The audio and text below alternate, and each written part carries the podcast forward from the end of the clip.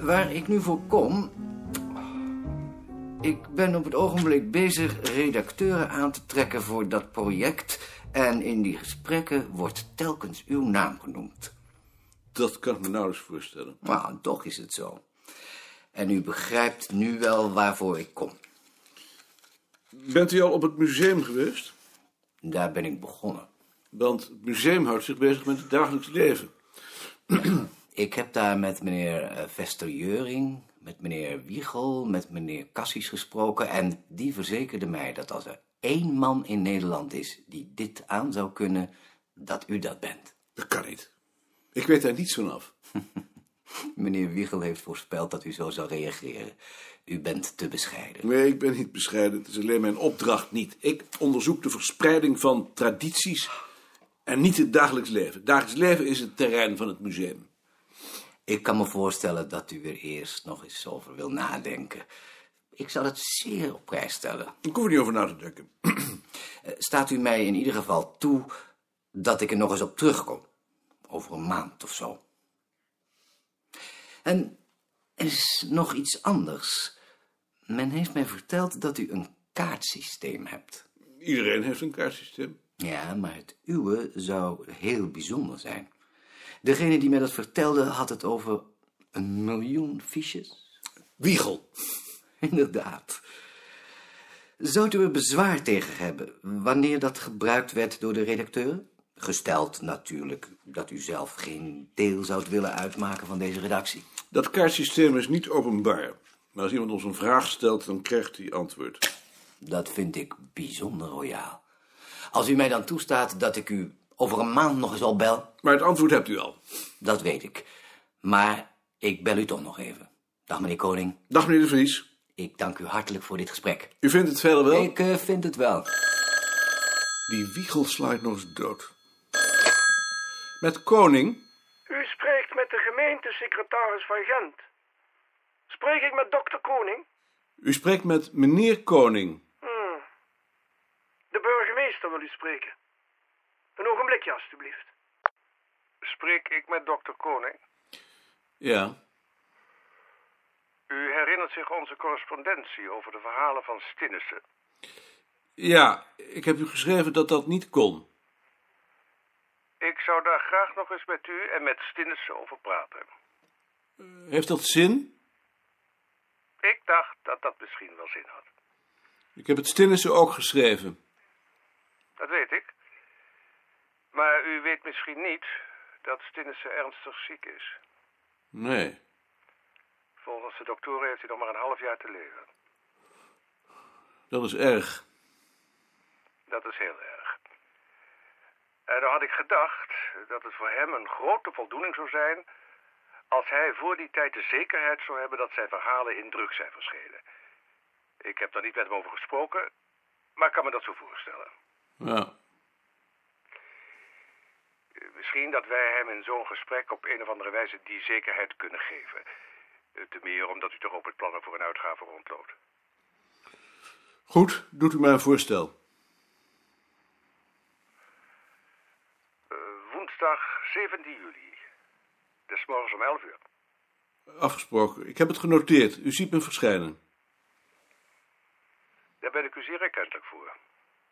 Ook namens de heer Stinnissen. Dat hoop ik. Daar kunt u van verzekerd zijn. Dag, meneer Koning. Tot woensdag 17 juli, 11 uur. Ging dat over Stinnissen? Ja. Die burgemeester wil nu een persoonlijk gesprek. Doe je dat dan? Stinnissen heeft nog maar een half jaar te leven en dat wordt nu uitgebuit. Maar moet je je daar dan door laten chanteren? Het hoeft niet, maar zo'n man voelt waarschijnlijk intuïtief aan dat ik in zo'n gesprek zo week als was ben.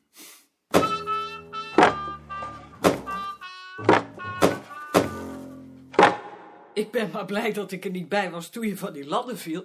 Want ik had vast ontzettend moeten lachen. Ik moest al lachen toen Joop het vertelde. Joop heeft zich goed gehouden. Dat is toch ontzettend knap. Misschien had je je wel doodgelachen, dan waren we je ook nog kwijt geweest.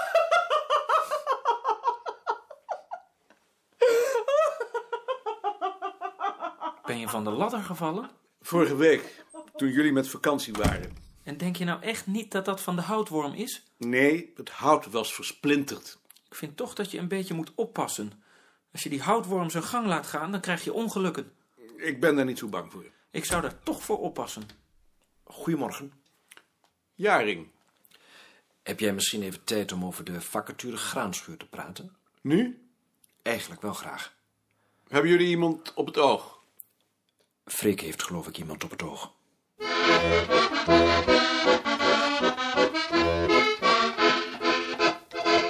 Hier is Maarten. En? Misschien kun je hem ook vertellen wie je op het oog hebt. Ik zie niet in wat Maarten daar mee te maken heeft. Wie is het? Je kent hem niet. Hoe heet hij dan? Richard Escher? Richard Escher. Is hij familie van de componist? Dat weet ik niet hoor. Voor iemands familie interesseer ik me niet. Ik geloof dat het een neef is. Hij studeert muzikologie. En wat zou hij hier dan moeten doen? Hij zou Freek kunnen helpen met de muziekbibliografie. Kan hij dat? Ja, an- an- anders, anders zou- zou ik hem toch niet eh, voorstellen. Maar G- graanschuur werkte voor jou. Ja, Ontstaan er dan geen problemen? ik dacht van niet. Als jullie er allebei voor zijn, dan vind ik het best. Ik zal het aan Balk voorstellen.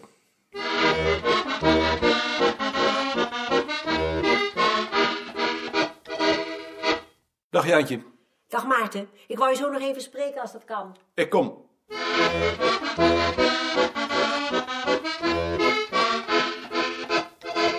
Ja? Ja. Het muziekarchief heeft iemand voor de vacature graanschuur. Een meneer Escher, Wat is dat voor man? een student muzikologie. Regel het maar met Bavelaar.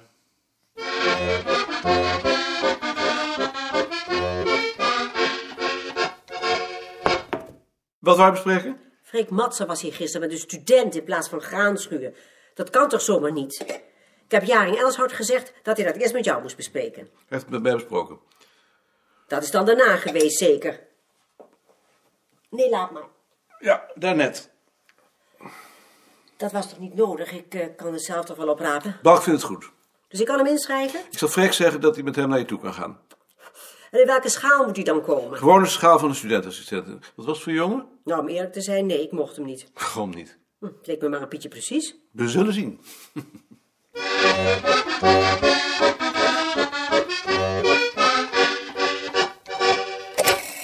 Je kunt met die Escher naar Bavelaar. Oh, nu ineens wel. Waar heeft hij die harde stukken? Bij zijn anus. Hij gaat niet op zijn bak. Ontlasting. Ja, ontlasting. Maar zijn daar dan geen ehm, ehm, supposities voor? Zetpillen bedoel je? Ja, zetpillen. Daar hebben ze het niet over gehad. Wat gek. Maar bij een kat is dat toch ook niet zo gemakkelijk, denk ik? Waarom niet? Zo'n ding gaat er toch vanzelf in? Ik zou je dan zeggen dat het er meteen weer uitkomt. Nee hoor, dat gaat er vanzelf in. Bij onze kat gingen ze zo in tenminste, toen hij een shock had. Ja hoor, ze zijn driekantig en ze gaan er zo in. Dag Hans. Kat? Een thermometer gaat er toch ook in? Ja, maar die eh, duw je erin. Nou, zo'n pil toch ook? Wat dacht jij dan? Dat dat vanzelf ging? Is een van je katten ziek? Oh, Nee, de kat van mijn ouders. Borretje. Ik vertel net van die harde stukken. Ja, Drink je thee? drink altijd thee. Zie je dat nou pas? Nou, jij let ook goed op, zeg. Is dat Fries? Maar dat weet ik niet hoor. Ik vind het gewoon lekkerder. Moet het dan Fries zijn? We zaten zaterdag in de bus naar de waterleidingduinen. En daar hoorde ik een man tegen de chauffeur zeggen... Wat heeft Jan met de pet nou helemaal aan zijn leven? Behalve dat hij zijn buurvrouw een keertje pakt. En, en wat zei de chauffeur? Die zou gedacht hebben, ik ben blij dat je mijn buurman niet bent.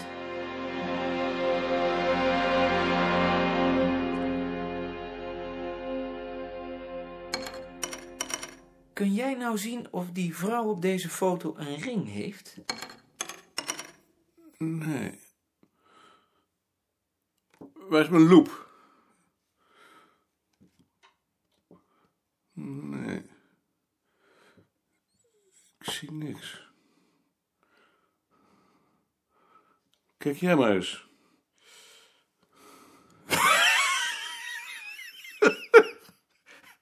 twee zwaar betaalde wetenschappelijke ambtenaren bezig met hun werk. Ja, dat we zwaar betaald worden is mijn schuld niet. Voor mij hoeft dat niet. Schijnt je dwars te zitten. Ja, het zit me dwars. Ik weet daar anders wel wat op. Wat dan? Al je geld aan de dierenbescherming geven. Goed idee. Maar je doet het nou maar niet. Ik zal er dus maar geen fiche van maken. Nee, alsjeblieft geen fiche van maken. Nou, ik doe het anders voor jouw lezing. Dat weet ik en dat waardeer ik zeer. Drink je ook geen jenever? Nee? Moet dat? Friese jenever. Jij dan wel. Ik wel. Ik dacht anders dat jij uit een rood nest kwam. Mijn vader drinkt ook geen jenever. Jaren komt ook uit een rood nest. Allemaal geheel onthouders. Een paar jaar geleden kwam hij op bezoek bij een oom.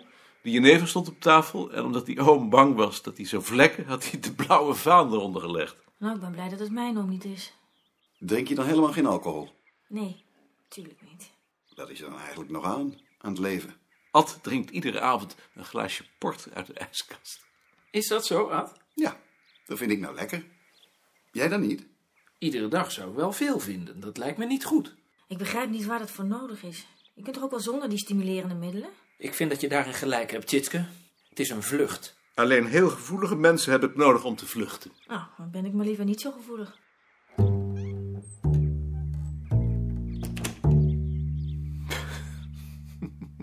Wat zit je nou weer te lachen? Ik lach om een opmerking van Tjitske. Ik vertelde over een man die tegen de buschauffeur zei dat het enige wat Jan met de pet aan zijn leven heeft, is dat hij de buurvrouw een keertje kan pakken. Tjitske zei toen, die chauffeur zal gedacht hebben, ik ben blij dat je mijn buurman niet bent. Die opmerking van Sien vond ik anders ook heel mooi. Welke opmerking? Toen je vroeg of de tandarts haar erg te pakken had gehad. Ik kan me dat niet herinneren. Ja, misschien heb jij niet zo'n dirty mind. Nee, help me maar herinneren. Dat ze antwoordde, ik heb een spleet en daar zit telkens vlees in. Maar het is geen gat. Ad, bewaar me. Nee, dat is me niet opgevallen. Nee? Nee, ik zou terug moeten naar de eerste twee jaar van de middelbare school... om van zo'n dubbelzinnigheid te genieten. Nou, dan ben ik daar zeker nog niet aan ontgroeid. Meneer Goud, u overtreft uzelf. Is Wichtbold nog met vakantie? Ja, en de Vries ook. Dus u moet alles alleen doen? Ja. Kan dat wel? Ja, dat kan best. Ja, met het bureau. Nee, die is er nog niet.